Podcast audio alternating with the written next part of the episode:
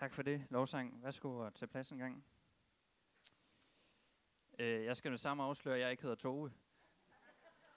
Øh, øhm, jeg hedder derimod Christian, og øh, grund til, at jeg står her, det er fordi, vi skal, som Michelle fortalte, tage udgangspunkt i, i øh, uh, Filipperbrevet de næste søndage, så jeg har lige fået lov at give en lille øh, introduktion til, hvad det er for en størrelse, så vi måske kan forstå det lidt bedre. Det er et brev i Bibelen, øh, som er skrevet for øh, næsten 2.000 år siden, omkring år 62, mener man.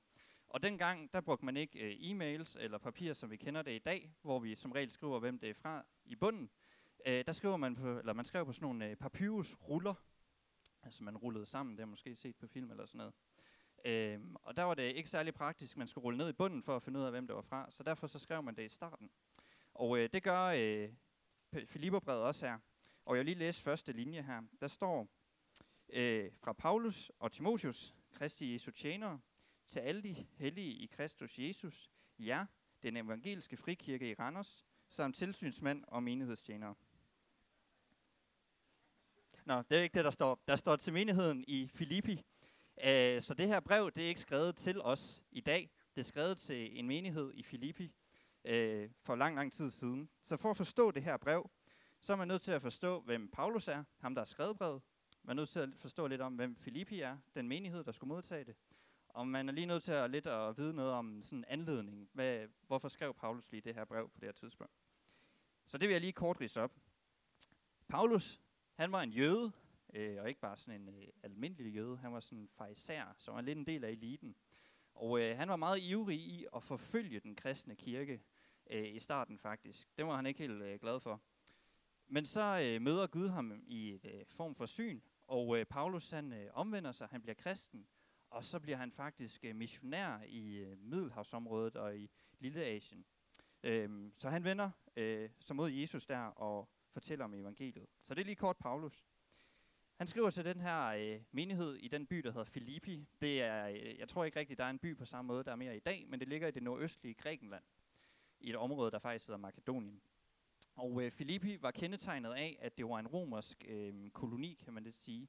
Fordi det var sådan, at øh, kejseren af Rom på det her tidspunkt, han sagde til alle soldaterne, der har været i krig, kunne du ikke tage til Filippi, så får du øh, en stor øh, grund, og du kan bygge en øh, stor hus, eller hvad du har lyst til.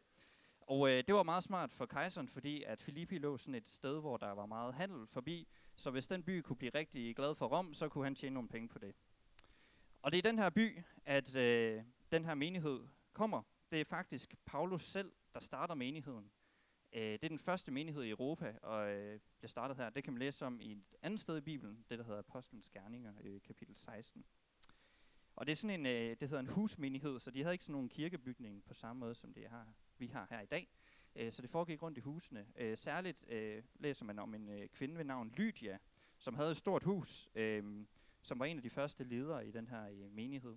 Øh, og man mener også, at det generelt i starten var mange øh, kvinder, der ledte den her menighed, hvilket måske var lidt atypisk for den tid.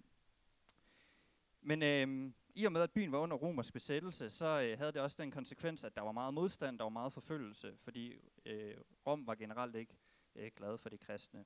Så øh, når man læser det her brev, så man også, øh, skal man lige have i baghovedet, at deres virkelighed var altså noget anden end vores. Den var præget af meget øh, modgang og forfølgelse. Så det var lige kort om menigheden. Så hvorfor skriver Paulus det her brev? I bund og grund så er det et takkebrev, fordi Paulus han sidder i fængsel i Rom, eller husarrest, og så kommer der en mand hele vejen fra Filippi, som lige sin geografi, hele vejen fra østlig Grækenland over til Rom, uden fly. Øhm, så det var en lang tur. Og, øh, og den mand, han har et sjovt navn. Han hedder Epafroditus. Øhm, Epafroditus, det er lidt svært at sige, men øhm, han kommer med sådan en gave til Paulus, øh, sådan økonomisk hjælp, øh, fordi Paulus ligesom lidt bliver støttet af den her menighed.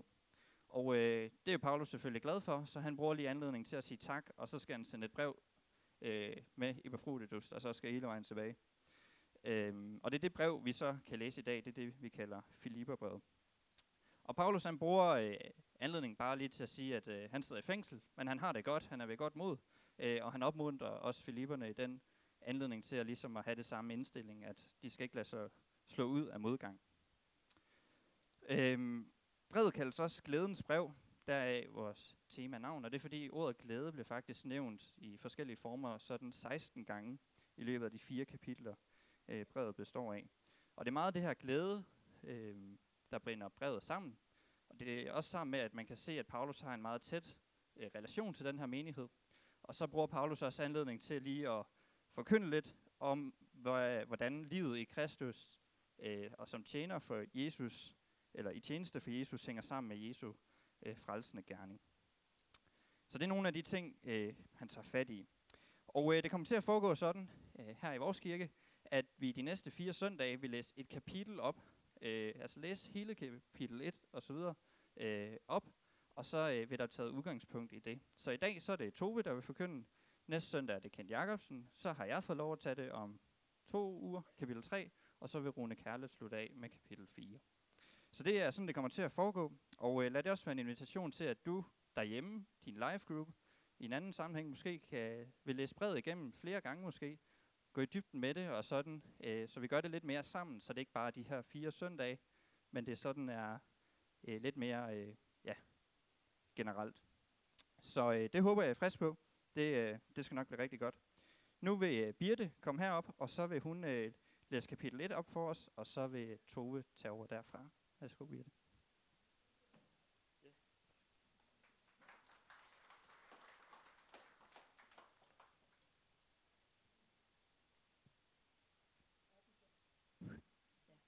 Øhm, jeg må sige, at jeg er så gammel, så øh, jeg, dengang jeg blev født, og da jeg først begyndte at læse, der havde man ikke sådan nogle fine powerpoint og alle de her fine maskiner.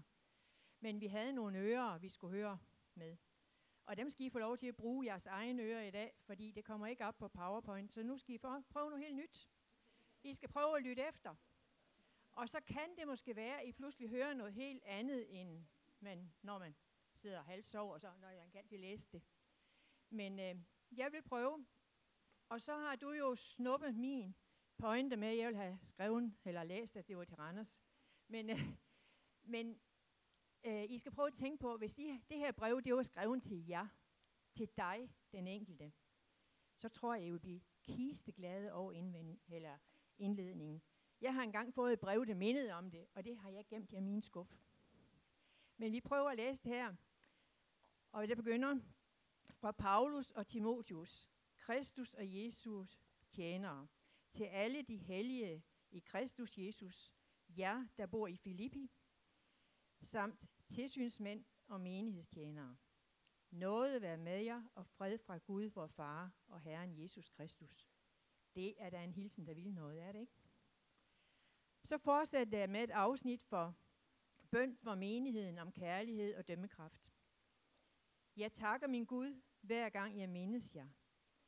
Og i alle i mine bønder beder jeg altid for jer, alle i glæde over, at I har været med i den fælles arbejde for evangeliet, lige fra den første dag indtil nu. Og i tillid til, at han, som har begyndt den gode gerning i jer, han vil fuldføre den indtil Jesu Kristi dag.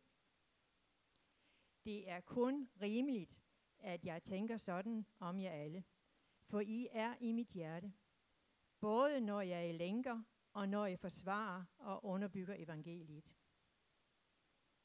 I er jo alle fælles med mig om nåden. Gud er mit vidne på, hvor meget jeg længes efter jer alle med Jesu Kristi inderlige kærlighed.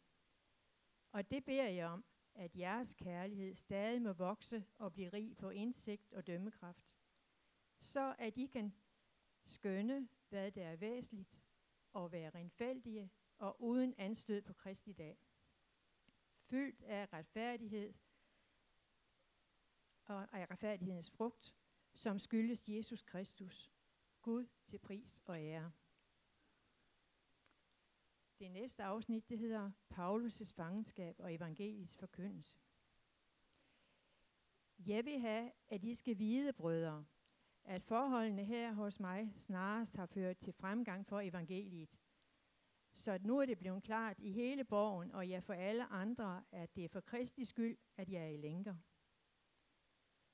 Og i tillid til Herren har de fleste af brødrene ved mine lænker fået større mod til at tale ordet uden frygt. Nogen prædiker ganske vist om Kristus af misundelse, og lyst til kiv. Men andre gør det af god vilje, og de gør det af kærlighed, da de ved, at jeg er sat til at forsvare evangeliet. Men de andre forkynder Kristus for at hævde sig selv, og ikke med helt rene motiver, for de tror, de kan føje nye trængsler til mine lænker. Men hvad? Kristus bliver jo under alle forhold forkyndt, og hvad enten det er på skrømt, eller det er oprigtigt, og det glæder jeg mig over. Men jeg vil også blive ved med at glæde mig, for jeg ved, at dette med jeres forbøn og med Jesus Kristus hjælp skal ende med min frelse. Det venter jeg med længsel på.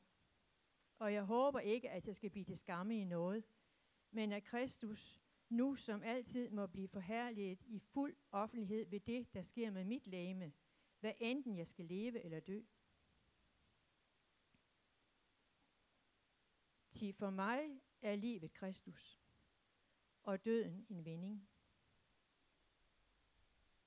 Men hvis fortsat liv på jorden betyder frugt af min arbejde, så ved jeg ikke, hvad jeg helst vil. Det trækker i mig fra begge sider. Jeg længes efter at bryde op og være sammen med Kristus, for det er langt det bedste. Men at blive i live er det mest nødvendige af hensyn til jer. Ja, det ved jeg bestemt. Jeg skal blive her og blive hos jer alle til jeres fremgang og glæde i troen, så Kristus Jesus endnu mere kan være jeres stolthed ved hjælp af mig, når jeg igen er hos jer.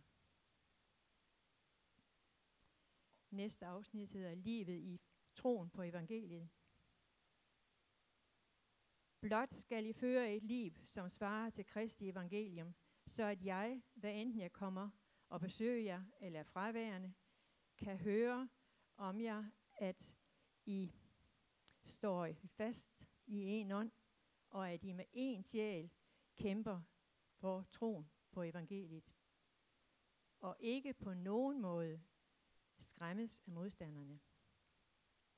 Det er et tegn for dem på deres fortabelse, men på jeres frelse, og det til med fra Gud.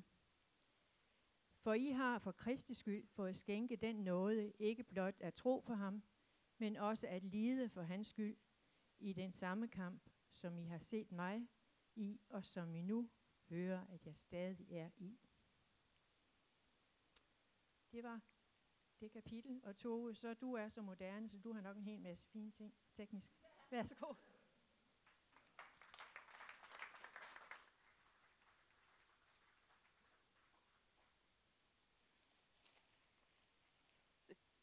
I dag.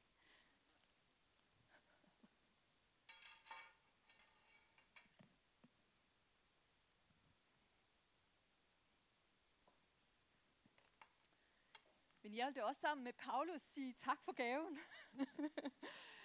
øh, I har været med til at indsamle, det sætter jeg stor pris på. Bare lige for at rette marken en lille smule, så er det, øh, vi har et universitet, hvor vi har 25.000 studerende om året. Og ellers så sender vi omkring en kvart million på, øh, på missionsmarken øh, hver sommer eller hver år på øh, korttidsmission. Så det er rigtigt nok, jeg skal, håber jeg, på grund af den her virus, at jeg stadigvæk kan komme til Mexico på, øh, på torsdag, og der skal vi arbejde på at prøve at se, om vi kan lave en ny struktur, så der er plads til endnu flere studerende, fordi vi er ligesom nået til loftet, hvor mange vi kan tage. Så det er spændende. Men jeg har glædet mig til i dag, øh, indtil i morges i hvert fald, jeg har gået og tænkt på det her budskab et stykke tid, må jeg indrømme, og det har ligget i baghovedet, og jeg har arbejdet på det, og i aften så sagde jeg så, nu er jeg færdig, og så går jeg i seng. Og så vågnede jeg i morges, og så hørte jeg en stemme, der sagde, den her stemme, som I nok godt kender, mange af jer, øh, stoler du på mig? Så, hvorfor det? Så, øh, så han havde lidt af et andet budskab, så det er ikke helt de samme kapitler, som jeg har arbejdet med alle de her uger, øh, som jeg kommer til at arbejde så meget med, men det er det rigtige kapitel i hvert fald. Så øh, det er helt frisk fra i morges, en del af det, øh, og noget øh, har jeg selvfølgelig arbejdet med længere.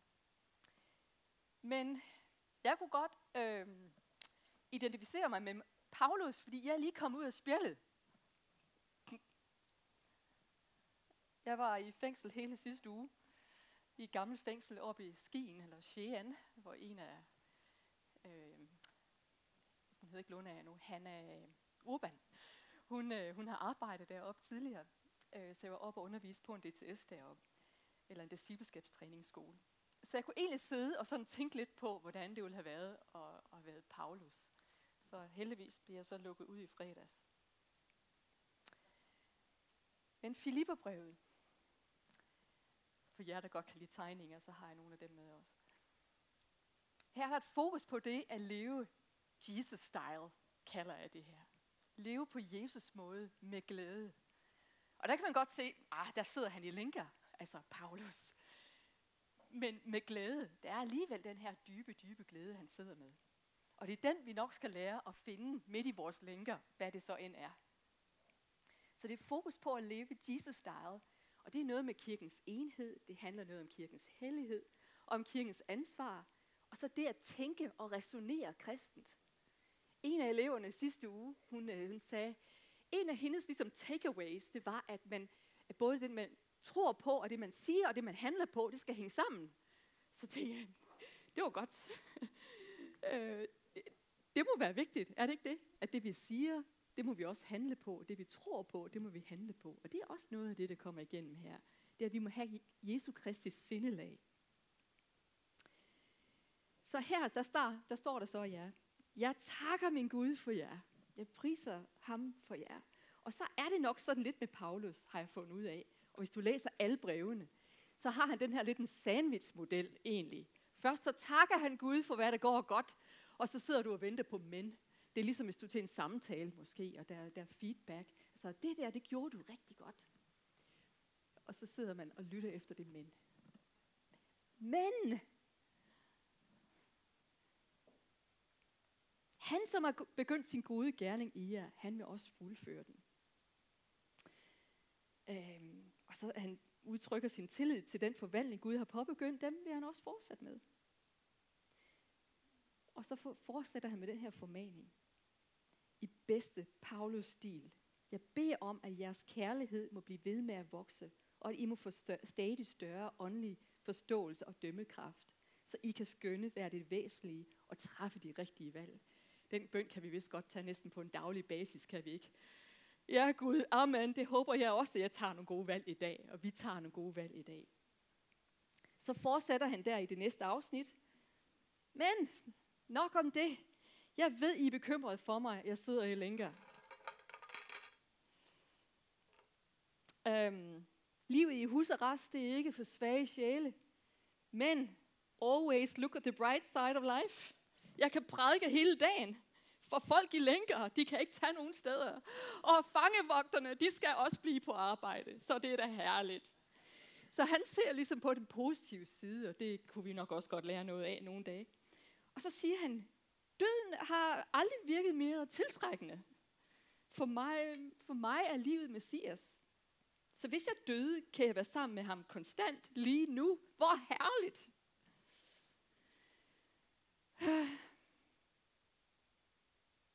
Det er en måde at komme ud af det her hul på, så kan jeg være en fri mand, og jeg vil afslutte mine lidelser. Men det er måske lidt for selvisk. Hvis jeg bliver her, så kan jeg plante flere Jesus-menigheder, Jesus-fællesskaber. Det vil nok koste mig mere end at være i live end at dø. Men at blive i live, det er det mest nødvendige af hensyn til jer. Jeg må nok hellere blive her og deltage i Jesu liv og lidelse. At lide for at elske andre mere end mig selv. Og det var lidt det, som jeg hørte egentlig Helion sige til mig i formiddags, eller i morges meget tidligt. Det var, øh, filer du i dine omstændigheder? tak Knud, jeg har lånt det her af ham. Det lidt bekymrende, han siger, at jeg har brugt den her før, og jeg har lånt den af ham før, men det har været til noget andet. filer du i dine omstændigheder? Jeg kender ikke dine omstændigheder lige nu. Øh, det kan være, at du er syg. Der er mange måder, vi kan være lænket på. Vi kan stride imod. Det kunne have været Paulus, der sidder med en forfærdelig, øh, dårlig stemning og attitude derinde, og så så, hvorfor sidder jeg her, og det skulle være et liv i sejr, og sidder og prøver at finde nogen, der kan you know, hjælpe ham med at feel. Og faktisk der sidste uge, da jeg sendte det her billede på Facebook, så var der en af mine venner, der sendte mig den der.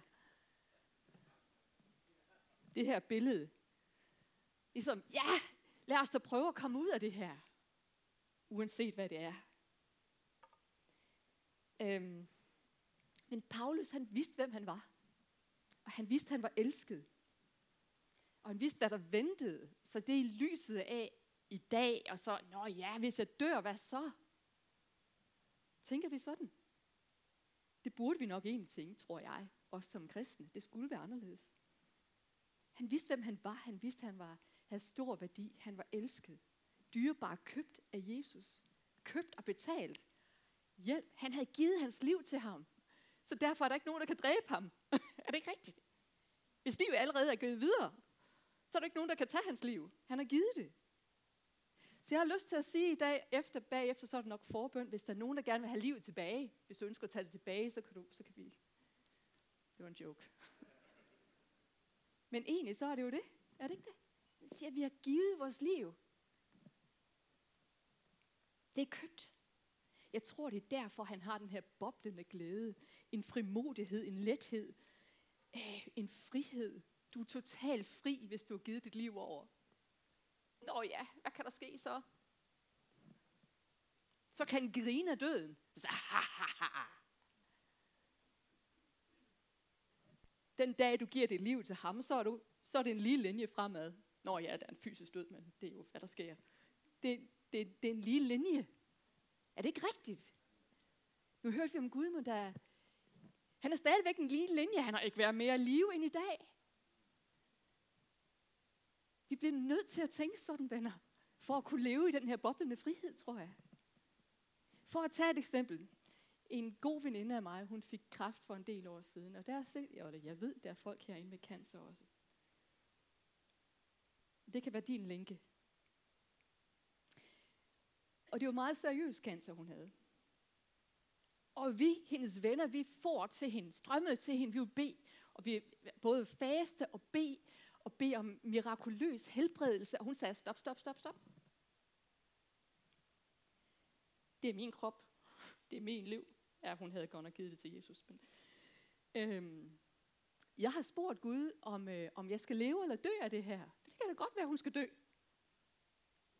Det er det eneste, vi ved, vi skal dø en dag af et eller andet. På en eller anden måde. Så skal, skal jeg dø af det her? Og Gud har sagt til hende, nej, okay. Hvordan har du tænkt dig at gøre det?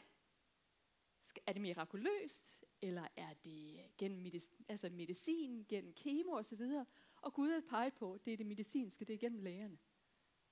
Okay, så er det det. Så hun sagde til os, I skal lade være med at bede om mirakuløs helbredelse, for det er ikke sådan, at han har tænkt sig at gøre det med mig. Hendes egen far var læge, han var længe død, men så hun tænkte, ah, hvor, ja selvfølgelig vil han bruge lægerne for hende. Det var ligesom hendes egen far, så var både begge hendes forældre, kan man sige. Det, var en, altså, det er jo Gud, der bag lægevidenskaben også. Ikke? Så han tager lægerne, så siger han, ah, og vi er jo ærget også, vi ville så gerne have bedt for mirakuløs helbredelse, men det fik vi ikke lov til. I stedet for, så sagde han, vil I ikke godt være med, ligesom med Paulus, og bede om, at jeg må være et vidne til dem alle sammen. Til lægerne, til sygeplejersken, til hele personalet, plus alle dem, som jeg kommer til at ligge på stue med og være sammen med. Bed om, at jeg må være et eksempel og et vidne, og at Gud må give mig alt det noget, der skal til for at kan gennemgå det her. Så yes, det var det, vi gjorde. Og Gud gjorde det. Hun er stadigvæk i live. Men hun havde det også sådan, jamen hvis jeg skal dø, jamen hvad så? Ja, vi sagde, ja, ja så. Det var vi ikke lige helt med på. Men så, hvad så? Så skal hun være sammen med Jesus. Hvor fedt! Så der er altid helbredelse. Han lover os helbredelse. Nogle gange er det evig helbredelse. Nogle gange er det ikke mirakuløs helbredelse, det er ikke medicinsk helbredelse, men det er faktisk, du dør af det fysisk. Men det er evig helbredelse, det vil sige,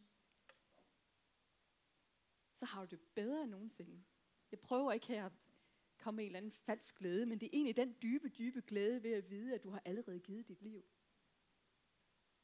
Og det er der en frihed i. Og jeg tror, det er den boblende glæde, vi hører her fra, øh, fra Paulus. Så I'm gonna see a victory. Ja, spørgsmålet er bare, hvornår. Ikke også? Det kan være, at det er det, det her liv. Men det kan også være, at, at den victory, det er at dø.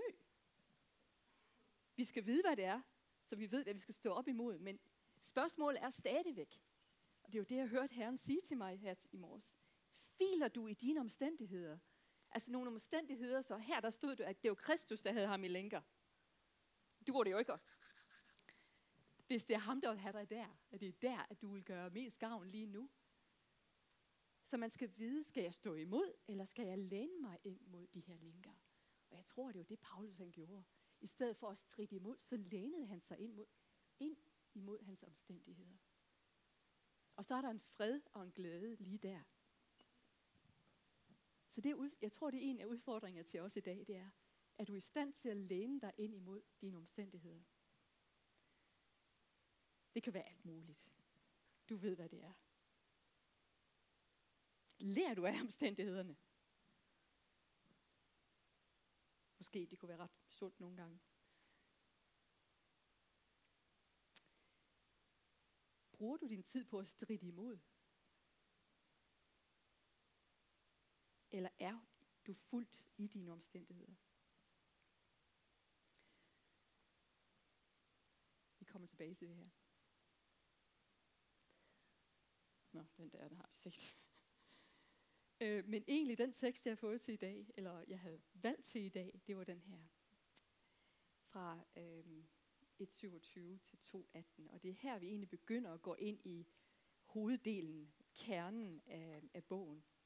Det er en lidt speciel bog, for der er mange forskellige brudstykker, og derfor behøver man egentlig ikke tage det i den rigtige rækkefølge som sådan.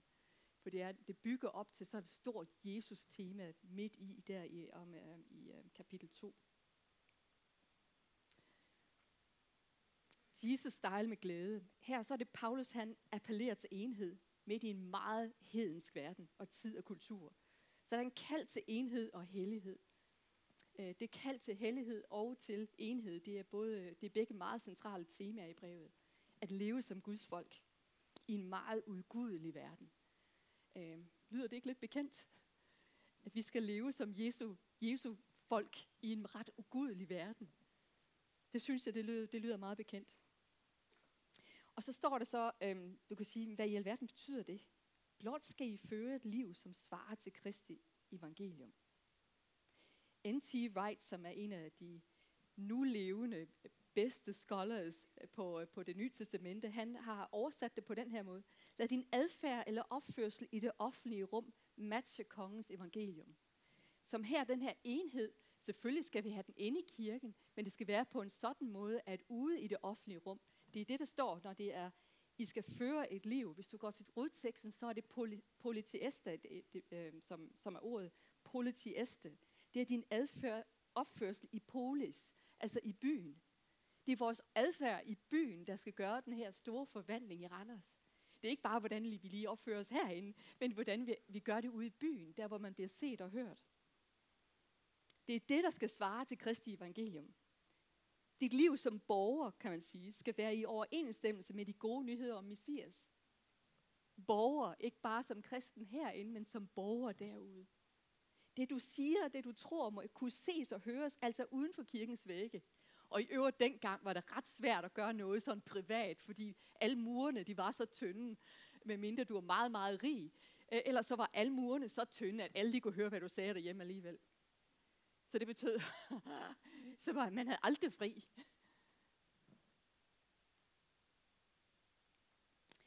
Hvorfor?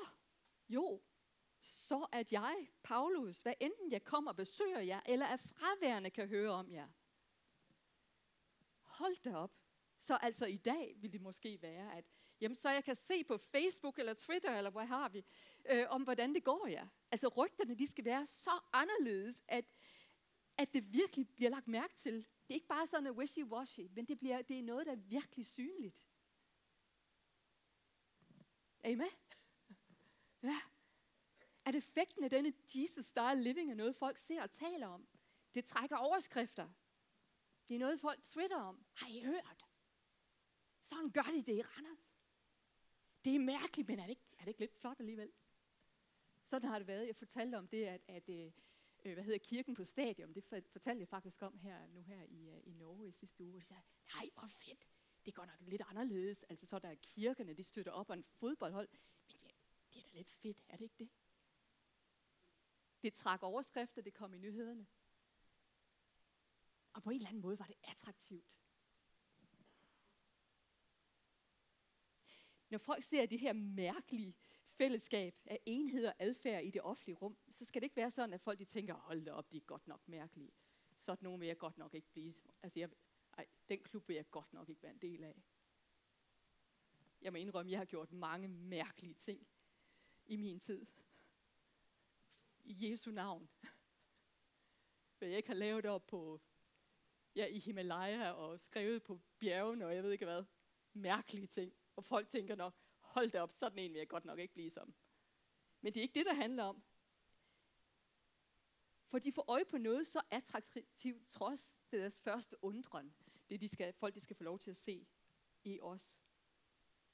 Måske vil det få dem til at stille spørgsmål. Hvem er den konge, de taler om? Det er det, du ser på billedet. Jo, no, det har du ikke. Her, det er, at folk de taler om, altså i det her, den her, øh, det her område i øh, Filippi, der var det ligesom, åh, folk de pegede på kejseren. Cæsar, Cæsar er konge, Cæsar er frelser. Og så kommer den her lille gruppe og siger, nej, Messias er frelser og konge. Nej, Cæsar er konge. Han er frelseren. Nej, det er... Så der var den her kamp, som du havde i Filippi, og det er nok den kamp, vi har i dag, også i Randers.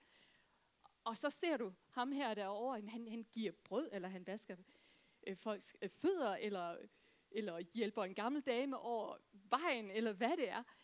De, de opfører sig, ad, adfærden var meget, meget anderledes. Og det var det, der var attraktivt. Og det, jamen, nå, okay, hvad er det så for en konge, I snakker om? Hvad er det for noget? Hvad er det for en enhed? Jo, vi er så attraktive, når vi står sammen som kirke. Ikke bare den her kirke, men den globale kirke. Alt, hvad vi kan blive enige om, det er attraktivt. Og nogle gange kan vi bruge så meget energi på, åh, oh, jamen, der er den lille forskel. Lad dog være med at bruge spild krudten på det, i stedet for fejre hvad, altså alt, hvad vi har til fælles. Så hvordan skal de så gøre det her? Stå fast. Der står, stå fast. Hvad end jeg kommer og besøger jer, eller er fraværende. Jeg vil høre om jer, at I står fast. Hvad vil det sige? Jo, det skal være ét. Det er den nye måde at være menneske på. Det er den nye måde at være kristen på. Det er, at vi skal være ét. Budskabet om Jesus, er, det her det er den anden konge, den her ene sande Gud. I modsætning til det religiøse supermarked, som var i Filippi. Der var så mange guder. Vælg det og vælg det. Og så kommer vi og siger, nej, det er kun det. Der er én konge, vi er under det samme hoved. At I står fast i én ånd, øh, i en ånd. Det er ligesom den samme livsånde, der giver jer liv. I skal kæmpe side om side med én sjæl. Kæmpe med samme hensigt, samme mål for troen på evangeliet. Ved at have det samme sind. Og en måde at sige det på, det kommer også i vers, øh, kapitel 2, øh, vers 2. Make my day, siger Paulus. Ved at have det samme sind. Ved at blive enige. Brug din tænkning, din tankegang. For, for din tænkning, tankegang på linje med hinanden. Nu er det nok mange af os, der har set eller hørt om Øslem, øh, hende den her tyrker, tror jeg nok, hun er, øh, som har dialogkaffe. Har I hørt om dialogkaffe? Hvis ikke, så bliver jeg nødt til at slå det op. Det er genialt. Fordi som muslim, så var det, at hun fik utrolig mange hademails fra folk, som bare var mod hende, fordi hun var muslim, da hun var politiker. Og så var det en af hendes kollegaer, der sagde, du, i stedet for at sidde og bare få, få ondt i håndledet der, at delete alle de her hademails, som hun får, hvorfor inviterer du ikke dig selv på kaffe, og så snak dog med dem? Hun siger, nå ja.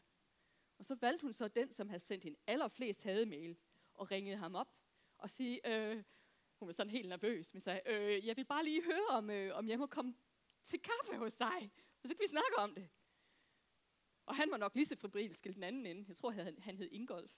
Altså, øh, jo, jo, jeg skal lige snakke med min kone. Og der var den første tanke for hende, det var, han har en kone. Altså, han var så modbydelig for hende, men han har en kone. Og så, så aftalte de en tid, og hun kom hjem til dem, og, og så da de kom ind til, så, har du spist, spørger hun så. Han sender mig hademail, så spørger han, om jeg har spist, eller om han vil give, ham, give hende mad. Men sådan er det jo, når vi kommer tæt på hinanden. Og så drak de kaffe, og de kom hen til kaffebordet, og så var det samme sted, som da hun voksede op. Det var det samme kaffestel, at hendes forældre har derhjemme. Og jamen, han kan da ikke så have mails, og så have kaffestel ligesom min mors. Så kommer man tættere på hinanden. Nu er det ikke den her, den er fra Sverige. Er I med? Og så satte de sig ned og fandt ud af, at vi er egentlig mere ens, end vi er forskellige. Vi er mennesker. Det jeg egentlig har lyst til at sige med det er, er der nogen, du skal have en dialogkaffe med? Herinde måske. Fordi for at vi kan komme, eller få den lidt af den samme tænkning, og se på det samme, have det samme mål, jamen så må vi bringe vores, hvis der er nogle ekstreme forskelligheder, som måske viser sig ikke at være så forskellige, det må vi have kom, få ind på linje med hinanden. Så det er en invitation til dialogkaffe. Nu begynder hun så også at gøre det med børn, så hun kalder det, skabedelen sodavand? og øh, der udkommer snart en bog med hende og så Bent Melcher, to ekstreme, og de skriver en bog sammen. Men her med børnene, så det startede med, at det var en jødisk skole, der inviterede en muslimsk skole, og, og hun, var, hun var med til at stå for det her. Der stod de alle sammen i en stor cirkel, alle de her øh, jødiske børn. Og så kom de muslimske børn, og de stod i en anden halvcirkel, og, og de stod bare og kiggede på hinanden som børn nu gør. Så, øh. Og så den jødiske dreng, han råber over til den anden siger, Hey, Yusuf, hvad laver du her? Jamen, din skole har inviteret min skole. Det er derfor, jeg er her. Hvorfor er du her? Jamen, det er min skole. Så, og de har spillet fodbold sammen. Og så, Nå. Så ham en jødiske dreng løb over til Yusuf, og de krammer hinanden. Og det var så det. Så kunne de godt lege sammen alle sammen. Så hvem er det, du skal dele en sodavand med, hvis du ikke kan lide kaffe? Så enhed, vi er kaldet til enhed. Jamen hvordan? Og så får vi en nøgle her. Og det er faktisk, hvis du læser, og det gør vi jo, Filipperbrevet, så er det, en, jeg tror faktisk, det er nøgleverset, vi får her.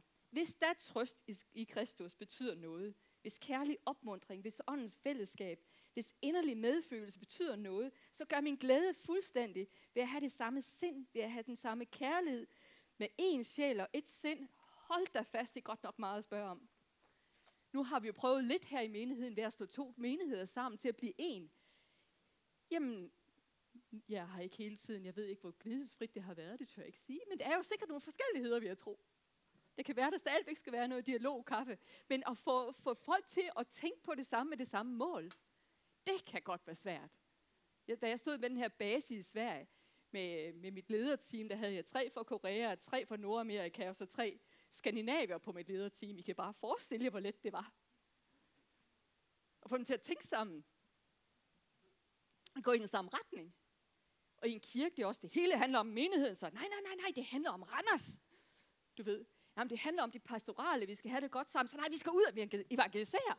Jamen det er jo ja til det hele, men hvordan hvordan, hvordan kan vi tænke sammen, så vi kan gå sammen, så, så det er en enhed.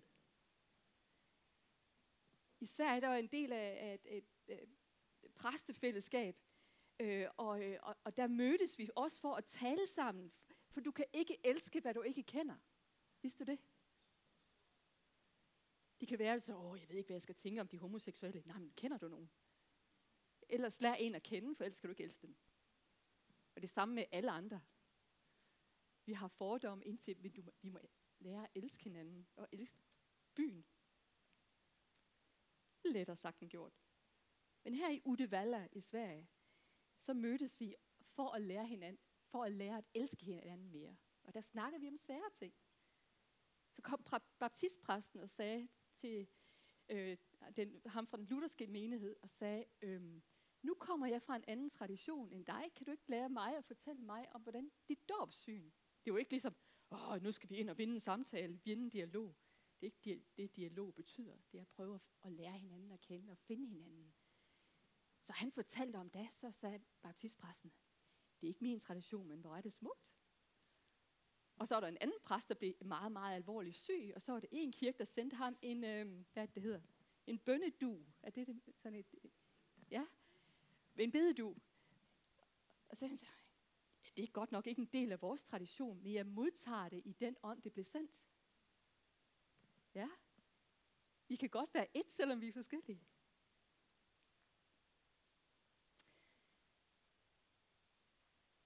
Jeg springer over til noget, som gjorde det meget, meget anderledes for, øh, for hele Romeriet.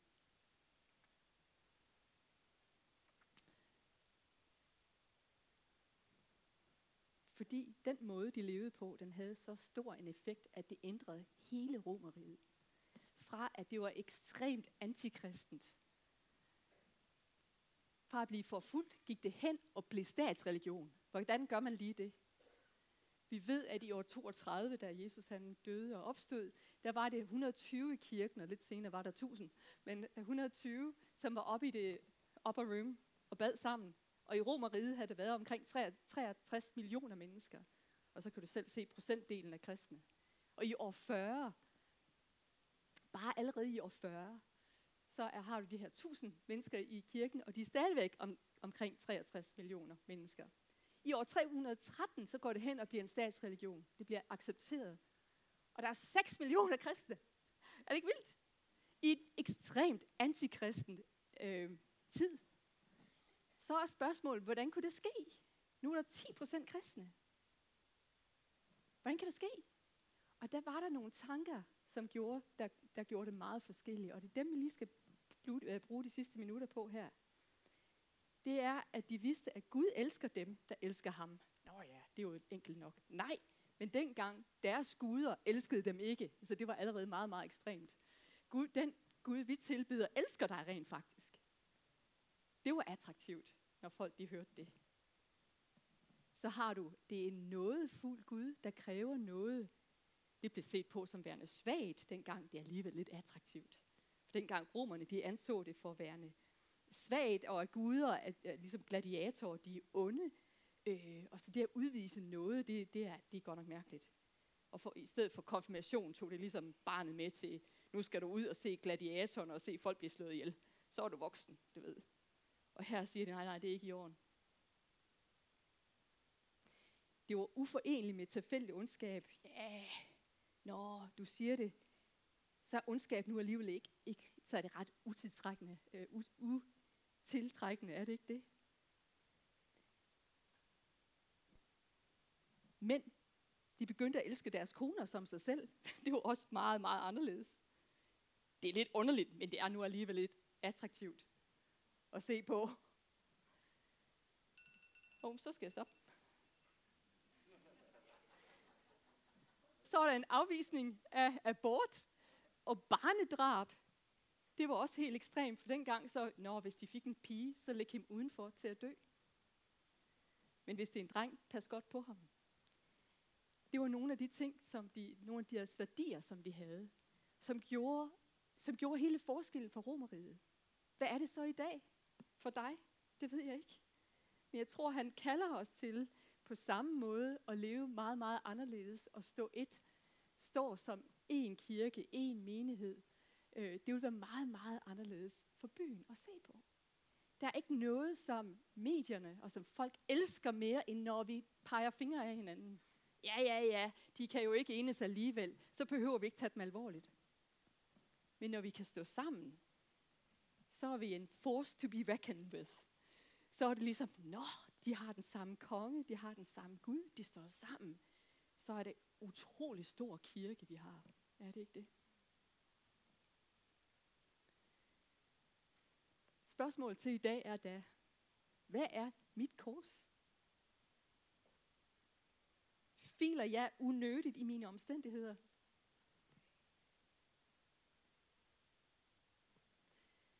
Er du frisk på de opdaterede kriterier, vilkår, hvor der står, at, Jesus, at vi har givet vores liv til Jesus?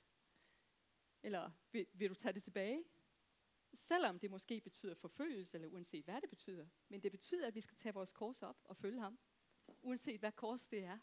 Så det er ikke bare nogen dans på roser. Og hvis vi tror det, jamen så kan vi godt surmule. Men hvis vi er med på det og, og finder ud af, jamen jeg har givet mit liv til Jesus, jeg er med ham, og han er med mig, og hvor er det fedt. Selv i lænker. Har jeg glemt eller gemt mit kors? Det som jeg skal bære. Er der nogen, jeg skal lære at elske? Måske have en dialogkaffe med. For at kunne være mere et med dem. Øhm, så det er mit budskab i dag.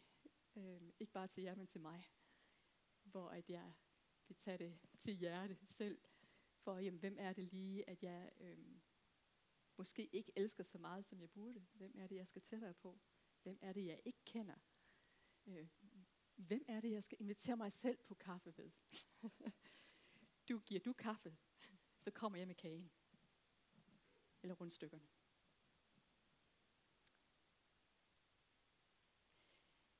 Hvis du måske indser, at jeg har strittet imod, jeg har stået med min fil, jeg sidder stadigvæk med min fil, bare strider imod mine omstændigheder, i stedet for at være i stand til at kunne læne dig ind mod dem, så tror jeg, der er mulighed for forbøn i dag. For bare at sige og sige, okay Gud, jeg er med på de opdaterede vilkår, som vi klikker på ved alle de her apps og øh, programmer. Jeg er med på de opdaterede vilkår, også selvom det betyder, at jeg må bære mit kors. For der står i Lukas 9, og henvendt til alle, sagde Jesus. Henvendt til alle. Er der nogen, der ikke er i alle herinde? Hvis nogen vil følge efter mig, skal han fornægte sig selv og dagligt tage sit kors op og følge mig. For den, der vil frelse sit liv, skal miste det vil den, der mister sit liv på grund af mig, skal frelse det. Liv. Så lad os le af vores omstændigheder, for de kan ikke dræbe dig alligevel. For du har givet dit liv væk. Hvis ikke, kan du også gøre det i dag. Det er jeg sikker på. Så far, vi takker dig, fordi at øh, du er livet. og fordi du tager godt vare på vores liv. At du inviterer os til at give vores liv til dig. Og, og når vi har gjort det, er der ikke noget, der kan røre os. I hvert fald er der ikke noget, der kan dræbe os. Så far, vi beder om, at du vil hjælpe os til at være i stand til at læne os ind mod vores omstændigheder. Midt i det, som du har sat os i. Ja, det er svært, det er ikke enkelt, men det har du ikke lovet os, det skulle være. Men du har sagt og lovet os, at du vil være med os i det hele. Så vi priser vi dig